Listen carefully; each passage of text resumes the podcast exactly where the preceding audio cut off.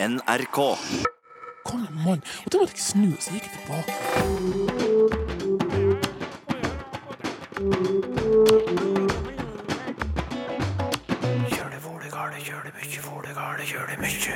Vi skal bryne oss på noe av det vanskeligste i det norske språket i dag, nemlig preposisjoner i og på.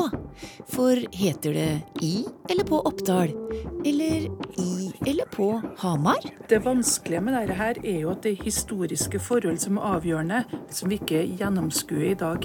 Det var noe lettere hvis folk hadde et sted å slå opp. For sånn som det er i dag, så har du ikke noe ordentlig sted å slå opp og finne ut av det. Er det en sammenheng mellom orda advokat og avokado? Ja, jeg trodde lenge at det her må det jo være en sammenheng. Advokat og avokado. Jo, men er det det? Vel møtt til Språkteigen. Dem er bitte små, men kan gjøre stor skade. Preposisjoner i og på. Du har sikkert bomma sjøl, sagt på om et sted, og så blir du korrigert av dem som bor der. Eller omvendt, slik Linda Eide, Gunstein Akselberg og Sjur Hjeltnes i Eides språkshow opplever om hjemplassen sin. Vi tre er jo ja, litt på slump, da, fra samme plass. Har kanskje nevnt det før, men vi kommer altså fra denne plassen som vi ser bak oss her. Voss og Vossvangen. Og hvis noen av oss tre hører Voss i nyhetene, f.eks., eller nasjonale radiosaker der de sier det og det har skjedd i Voss, hvordan føler du det da? Da går det kaldt nedover ryggen. I Voss, Konstein. Nei, da får jeg ilt i magen. Men hvorfor sier en i Voss av og til når det heter på Voss? Det er fordi en ikke veit bedre. Nemlig, vi vet ikke bedre. Så hva er det som styrer i eller på når det gjelder stedsnavn, spør Åge Sørumshaugen i en e-post til Språkteigen. Er det lokale forklaringer, eller er det et overordna regelverk som styrer bruken av preposisjoner? Vi skal stige om bord i et aldri så lite preposisjonstog ganske snart. Men først til deg, Berit Sandnes. Du har doktorgrad i navneforskning og er stedsansvarlig for Trøndelag i Kartverket. Og er det et overordna regelverk? Nei, noe regelverk har vi i hvert fall ikke. Egentlig er det jo sånn at det bestemmes eh, en gang for alle. Når den første gangen du begynner å bruke et stedsnavn, så bestemmes på en måte eh, preposisjonen òg. Men dette her, det engasjerer, og vi blir irritert når stedet vårt får feil preposisjon. Kjenner du deg igjen i det? Jeg kjenner meg jo igjen i det, for jeg jobber med stedsnavn i Kartverket. Og stedet du er fra, det er en veldig viktig del av din identitet. Og alt som har med det stedsnavnet å gjøre, det blir veldig viktig for deg. Skrivemåten, preposisjonen, eh, at du bruker den om riktig område, ikke for stort, ikke for lite. Det er faktisk veldig viktig for folk. Altså ikke noe overordna fast regelverk, men vi skal prøve å gi noen tommelfingerregler om preposisjonsbruken, og vi skal få drahjelp av Linda Eide og en tur på Bergensbanen. Alle om bord! Ja. Ja. Vi starter i Bergen, og da er jo vi på full fart gjennom Ulrikstunnelen. Og så gjør toget sin første stopp I Arna. i Arna. Dette er ekspresstoget som vi suser videre forbi alle disse småplassene til Takvam, Bokengren, Stanghelle, Vaksdal, og så er vi På Dale. Da må jeg trekke i nødbremsen. For at, eh, hvorfor sier vi Gonstein på Dale i Hordaland, mens de har et Dale i Sunnfjord i Sogn og Fjordane òg? Og der sier de i Dale. Ja, fordi at eh, Dale i Sunnfjord der ligger nede med sjøen. Jaha. Mens eh, Dale ved Bergensbanen det ligger da lenger oppe og inne i landet. Og det er på inne i landet og i Ja. ute ved sjøen. Ja, Det er en sånn hovedregel. Og det stemmer jo på en måte litt i praksis, fordi at veldig mange av byene i Innlandet er lagt på eldre gårder. Ja, for da er vi ved en annen regel, nemlig at steder som hadde sin opprinnelse i gamle gårder, der brukes preposisjonen på. Ja, de fleste gårder så heter det på. På Hamar var jo en gård en gang, eller Storhamar. Og man sier naturlig på om de aller fleste gårder. Og når de gårdene senere er blitt byer, så følger den preposisjonen med. Mm. Og hvis vi slår opp i Norsk stadnavnleksikon, så står det følgende om Hamar. Hamar. Egentlig gardsnavn brukt om gården som i seinere tid har blitt kalt Storhamar. Så altså, hvis navnet stammer fra en gård, så er det preposisjonen på. Hvis det historisk sett var en gård hvor man sa på, så er det regelen. Men det er jo ingen regler uten unntak. For at, la oss si at det er et gårdsnavn som heter noe på Dal, f.eks., så er det allikevel naturlig ut ifra de formasjonene vi ser for oss, at du sier i, eh, i Grimsdalen, i Gaundalen. Fordi at liksom Ja, det er jo en formasjon som du går inni og nedi. Nei, ingen regel uten unntak. Og byen jeg bor i, den er et unntak. I Standnamleksikonet så står det Elverum. Opplysninger fra 1662 viser at navnet da ble brukt om den nåværende prestegarden. Elverum er altså opprinnelig et gardsnavn. Altså, navnet Elverum kommer fra en gård. Men, og dette må alle merke seg, det heter ikke på Elverum, det heter i Elverum. Og vi sier oftest i om byer, da. Særlig ved kysten. Men der har vi òg et unntak verdt å nevne. Ja, f.eks. Eh, Molde, som tradisjonelt har hett På Molle. Nettopp fordi at det er en gård, Mollegård, som er utgangspunktet for den byen. Molde. Opprinnelig et gardsnavn. Molle, Molde, først på 1500-tallet. På 1700-tallet og seinere Moldegård. Ja, for jeg ville automatisk ha sagt i Molde. Ja. Ut ifra det vi har snakka om, at det veldig ofte er i om byer og i om plasser på kysten, så er det jo logisk å tenke at det er i Molde. Alt dette betyr jo at vi må kunne utrolig mye lokalhistorie da, for å vite hva som er rett preposisjon. Men det kan vi jo ikke. Nei, det er det ingen som gjør. Så det, det blir jo faktisk litt som å lære et, et fremmedspråk. Det. Du må lære dette her en gang for alle. Og uten å tenke over det, så kan du jo navnene i det området hvor du er godt kjent. For dem har du hørt mange ganger. Så jeg vet eh, mange av navnene i Trøndelag. Og så blir jeg veldig usikker hvis jeg kommer ned til Stavangerkanten. Heter det i Sandnes eller på Sandnes? Jeg er fra en gård som heter På Sandnes. Jeg tror nok byen heter I. Ja. Så du må rett og slett være lokalkjent? Du må være lokalkjent. Ok. Vi skal bli med toget et stykke til. Ta plass. Ok, men Da ruller vi videre, da. Forbi både Bolstad og Evanger. Du kan bare glemme Bolkjen gjennom tunnelen, og da er vi På Voss. Da veit vi på Voss, på Voss. Og så videre oppover Reimdal, Reimegreind og Mjølfjell og Oppsetet. Og Oppoverbakke. oppoverbakke. Ah, og da er vi På Myrdal. på en dal. På en dal, ja. For det ligger i landet, og det ligger høyt oppe. Akkurat. Og hadde vi kjørt Dovrebanen, så ville det vært det samme med Oppdal. Oppdal betyr dalen som ligger høyt. Og Oppdal finnes flere steder som gardsnavn. Da er betydningen gården som ligger inne eller oppe i dalen, jf. Ugdal og Uvdal. Altså på Oppdal. Men sjøl i lokalbefolkningen på Oppdal så vil noen si i. Og betyr det at preposisjonsbruk kan endre seg over tid? Ja, vet du, det tror jeg det gjør, fordi at eh, det, det er flere og flere som sier i Oppdal. Og det er også et sted med mye turister, og kanskje folk som ikke har bakgrunn derfra. Så, så der er det nok mange som vil si i Oppdal, også naturlig i og med at det er en dal. Så, så igjen, alle regler er bare veiledende. Nemlig. Ja. Men, Også, ja. men eh, la oss si sånn som på Snåsa, på Oppdal, for å ta to bygder i Trøndelag, hvor man bruker på til vanlig. På Lillehammer blir det samme.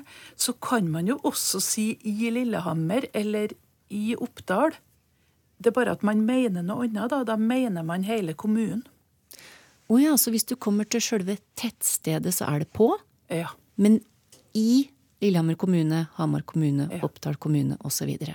Så alle de her plassene som har på om tettstedet, så har de i tillegg muligheten til å si i når de mener hele kommunen.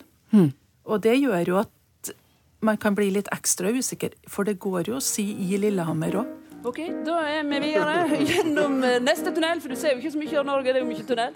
Eh, og da er vi På Finse.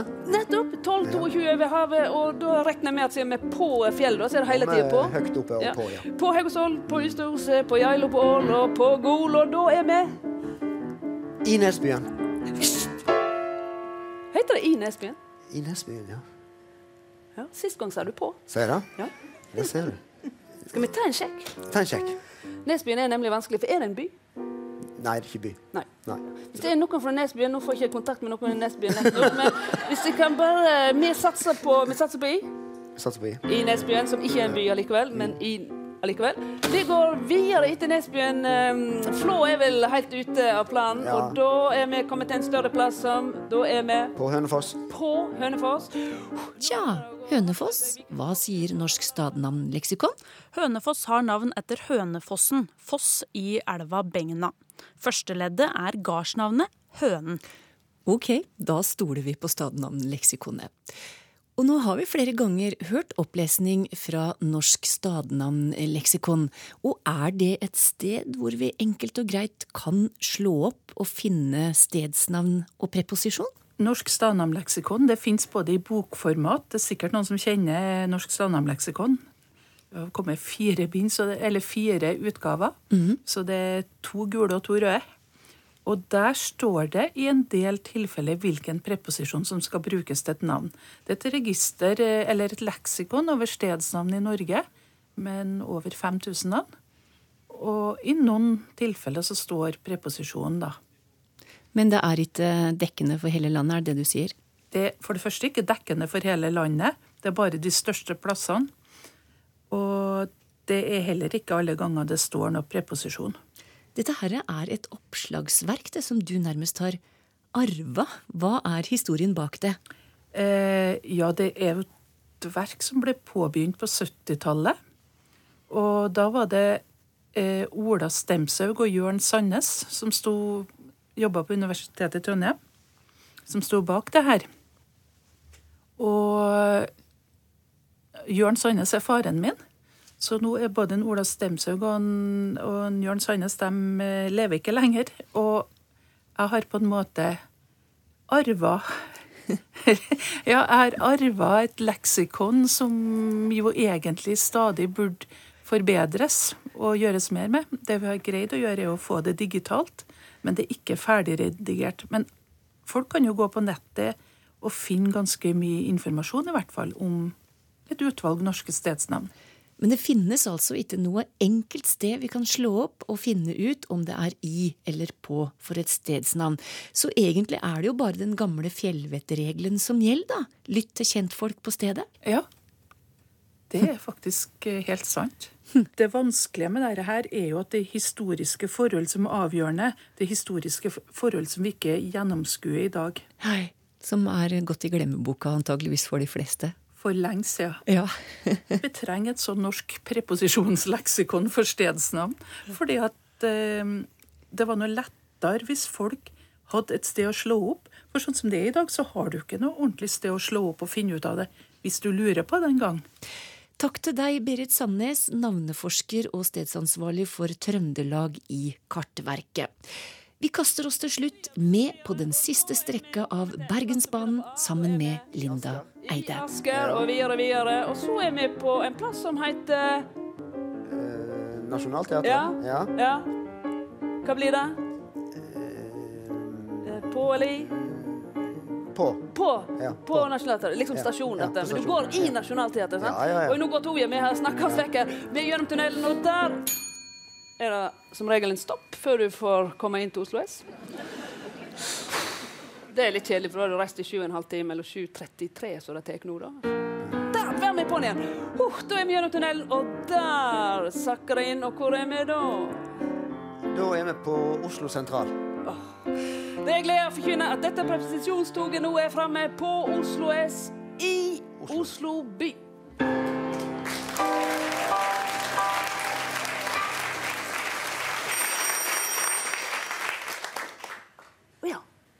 Du, der kom det en telefon. Det heter ah, ja. altså På Nesbyen og i Nes kommune.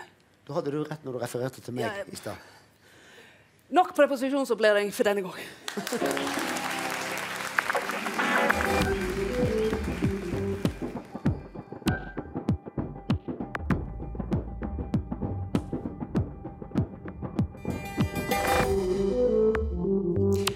Ja, det ble en hel togtur over fjellet for å svare på spørsmålet fra Åge Sørumshaugen. Vi skal ha flere lytterspørsmål, og det er Sylfest Lomheim som sitter klar til å svare. Det første har jeg funnet på Twitter, og det er Hanna som spør. Er ring kort for runding, eller er det bare helt tilfeldig? spør hun. Nei, det er ikke tilfeldig, og det er ikke slik at ring er det samme som runding. De to orda er heilt opplagt i slekt, men de er litt ulike. Og det viser seg òg når vi ser på historia bakom de to, for de har òg ulikt opphav. Eh, hvis vi tar ring, så kjem det fra et gammelnorsk ord, ringer, og det betyr eh, noe som er rundt. Rett og slett, eh, for å si det med dette ordet, ring, noe som går rundt. Når det gjelder runding, så for det første kommer ikke det fra gammelnorsk, vi har det fra latin, der utgangspunktet er rota, R-O-T-A. Det er ikke ei rot på en plante, men rota, og på latin tyder det et hjul. Og hjul er jo rundt, og et hjul roterer. Da hører vi igjen å rotere. Roterer, det kommer fra rota på latin. Og eh, ein runding er altså kanskje meir i slekt med, med eit hjul. Medan ein ring er meir det som sluttar rundt om noko. Slik som ein ring gjer på, på, på fingeren. Så jeg tror nesten at det er det jeg kan si. Når det gjelder ring, forresten, så blir det òg i litt høgvyrdelig nynorsk brukt om ein, ein samanslutning eller ei gruppe med mennesker. Derfor vil målfolka ha hørt ordet ein målring. Og det betyr ei gruppe med målfolk. Hmm, en liten organisasjon, ikke sant. En studiering? Ja, og en st nett, flott! En studiering, ja. Ja. Det er ei lita gruppe med mennesker. Ja. Et spørsmål fra Sigmund i Oslo. Han og noen kamerater gikk opp ei lang, lang trapp på Grefsenkollen. Og da slo spørsmålet ned i huet på dem. Er det forskjell på et rekkverk og et gelender? Ja, og nå er det jo fagfolk inne i bildet også. Her de som bygger trapper, og om de bruker rekkverk og gelender på spesielle måter som fagpersoner, det skal ikke jeg uttale meg om. Men i allmennspråket, i vårt vanlige språk, så vil vi nok sjå i ordbøkene at rekkverk og gelender kan bety det samme, men ikke alltid. Og forskjellen er i hovedsak det at eh, det er rekkverk som blir brukt videst om mange ting. Det betyr det du held deg i, som var langs denne trappa opp Grefsenkollen, det kan omtales som rekkverk, men også på ei bru og på en terrasse eh, kan vi snakke om rekkverk. Så det har en vid bruksmåte. Mea gelender, ifølge mine ordbøker, det er smalere brukt. Det blir brukt om det du held deg i når du går opp ei trapp, i hovedsak. Så det gjelder i hovedsak ei trapp, og ikke, ikke terrasse og, og slike ting. Så de er delvis utskiftbare, og delvis ikke, i den forstand at gelender er snevrere, rekkverk er noe breiere. Et litt snedig spørsmål kommer fra Petter. Er det noen sammenheng mellom de to orda avokado og advokat? Ja, jeg trodde lenge at her må det jo være en sammenheng. Advokat og avokado. Ja. Uh, advokat er jo fra latin ad, som betyr til, og vokat, som har med både vokal, voks, stemme, ropa, kalla på på latin. Så advokat er den du tilkaller. Med stemme, altså. Tilkaller. Og jeg trodde at avokado må være noe eh, spansk, portugisisk, et eller annet sånn eh, som er i slekt med advokat. Men svaret er nei. Avokado har ingenting med advokat å gjøre. Det kommer fra et indianerspråk, og da er vi altså i, i Mellom-Amerika, Sør-Amerika. Dette er jo ei ganske spesiell frukt. Og de som har sett avokado, det er jo så sunt, og både du og jeg et masse avokado, tror du. Ja, faktisk. Og du ser på den frukta, for dette indianerordet skal være et ord for testikkel. Se på, ut, Ah, på det skallet du tar av. I alle fall Denne testikkelen er full av gode vitaminer. Nå er det mye snakk om utenlandsavdelingen på jobben hos meg, skriver Knut E. Toftner. Men heter det det, eller heter det utenlandsavdelingen? Vi håndterer transaksjoner med utlandet og ikke utenlandet, så for meg så blir utenlandsavdelingen rett begrep. Men hva sier du til det, Sylfest? Ja, nei, der er det jo slik at det kan være utenlandsavdeling. Avdeling for utlandet. Eh, Men det er ikke slik at utenlands- eller utenlandsavdelingen ikke er gangbart. Det er kanskje det mest naturlige her. Og utenlandsavdeling, eller utenlandsavdeling, det betyr ikke at det er uten land. Nei, nei, men det betyr rett og slett utenfor landet vårt. Altså, det er ikke innenlands, men det er utenlands. Det er ikke inne i vårt land, men det er utenfor vårt land. Så enkelt skal det forstås. Men han kan si utenlandsavdelingen hvis han vil, altså. Ja, det er, for vi har jo ordet i utlandet, og utenlandsavdeling eh, vil ikke jeg eh, sette noe rød strek under, men jeg ville nok ha brukt utenlandsavdeling. Det er kanskje det som er det vanligste. Jeg ser ofte at folk bruker engelske og på engelsk om hverandre, f.eks. engelske bøker. For meg så betyr det at bøkene geografisk stammer fra engelsk. For andre er det at de er skrevet på engelsk. Er jeg helt på jordet, eller fins det noen regler om dette, spør Ragnhild som er bibliotekarstudent. Nei, Ragnhild, du er ikke på jordet, og eh, strengt teke så er jo bøker på engelsk, da er det skrevne på språket engelsk, og engelske bøker er fra England. Så du har helt rett. Men eh, nå er jo jeg eh, veldig ofte tydelig normativ, altså jeg er litt streng, syns kanskje enkelte. Men jeg vil si at det viktige i språkbruk, også når du skriver, er at det ikke skal være tvil om hva du mener. Og hvis sammenhengen, det som språkfolk kaller kontekst, hvis sammenhengen er slik at eh, det står om engelske bøker, og sammenhengen er helt tydelig på at dette er bøker skrevne på engelsk, så vil jeg ikke si at det er feil å skrive engelske bøker.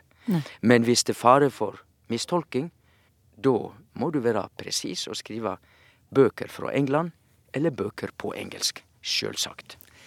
Jeg så på et gammelt skilt der det sto betleri forbudt. Fins det en sammenheng med ordet be? Og når begynte vi å bruke ordet tigging da i stedet for betleri, spør Lilly Vinje. Ja, når vi tok i bruk tigging, det skal jeg ikke si, men det er jo et etablert ord i norsk. Og det eksisterte ikke i gammelnorsk, så det er et ord vi har tatt inn. Men det er heilt rett. Betleri er absolutt i slekt med å be. Og det er også i slekt med et veldig flott ord, Tore, nemlig å beila. Det betyr å be om, altså tigge om handa. Beila og å be. Begge disse verba er i slekt òg med betleri, som betyr tigging eller det å be om noe. Jeg har fått eh, to spørsmål fra Trine, som først spør er jage og jakte det samme? Nei, ikke helt det samme, men å jage er jo å forfølge eller å fare etter, ikke sant? Eller å fare fram. Og det er det som har gitt oss ordet å jakte. Men med en mellomstasjon.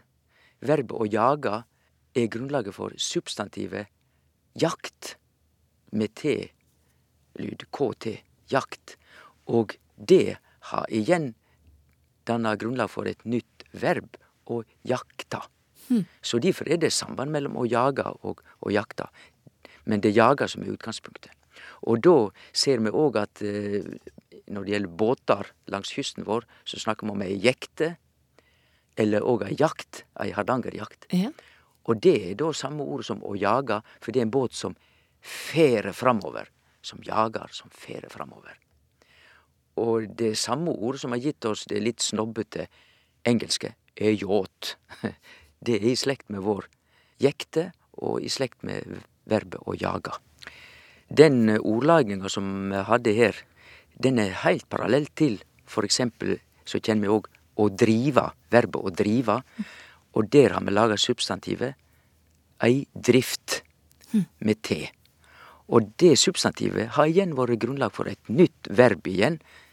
å drifte. Ja. Så dermed er det en sammenheng mellom å drive og å drifte, med substantivet drift som mellomledd. Og så lurer Trine på hvorfor sier vi at vi faller i staver? Ja, det er jo komplett uforståelig Ja. for moderne mennesker, bortsett fra at de veit at det betyr at da eh, du, du skjønner ingenting. Du, eh, du detter rett og slett ned på sofaen og måper, ikke sant? Ja. Og faller i stavar. Men her må vi gå iallfall et par generasjoner attende i tid. Til eh, sildeeventyret på Vestlandet og fiskenæring, altså tønner. Ah. Fordi at eh, de produserte jo masse tønner som de skulle salte ned fisk i.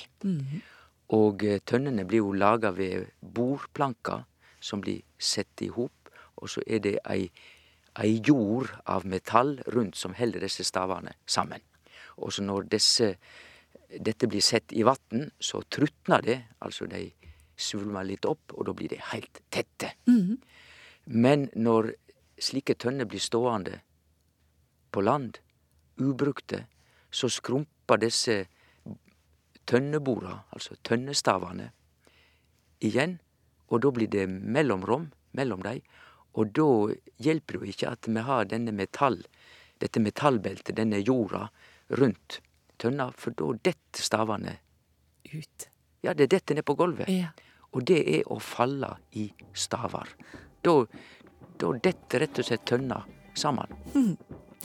Det var siste lyttespørsmål i dag, det. Takk til deg, Sylfest Lomheim. Til deg som lurer på noe om språk, ikke brenn inne med det. Få det ut og send det i en e-post til Språkteigen. Teigen krøllalfa nrk.no. Jeg henter òg mange spørsmål fra Twitter og fra den nye Facebook-gruppa til Språkteigen. Gruppa veks for hver uke, og vil du bli med, så finner du den ved å gå inn på NRK P2 si Facebook-side. Språkteigen er tilbake om ei uke. Ha det bra.